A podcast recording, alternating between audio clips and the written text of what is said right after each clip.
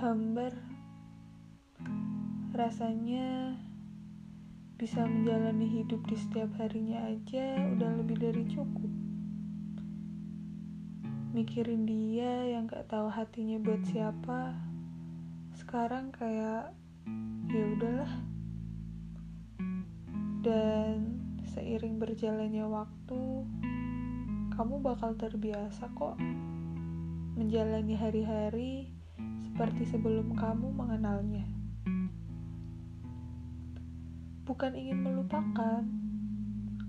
Lebih tepatnya recharge energi aja untuk aku kembali menunggu sebuah ketidakpastian yang entah kapan itu akan menjadi sebuah kepastian. Eh, tapi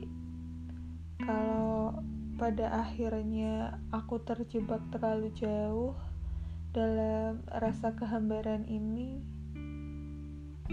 aku harap kamu selalu baik-baik aja. Menyesal, sungguh tidak bisa mengenalmu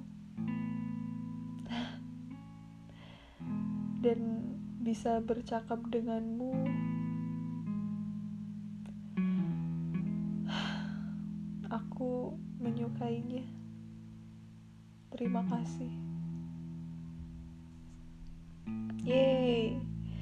Gimana teman-teman berbagi rasa bersama rekannya hari ini?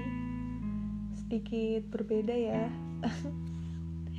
Semoga kalian suka dan sampai ketemu di episode selanjutnya. Wassalamualaikum warahmatullahi wabarakatuh.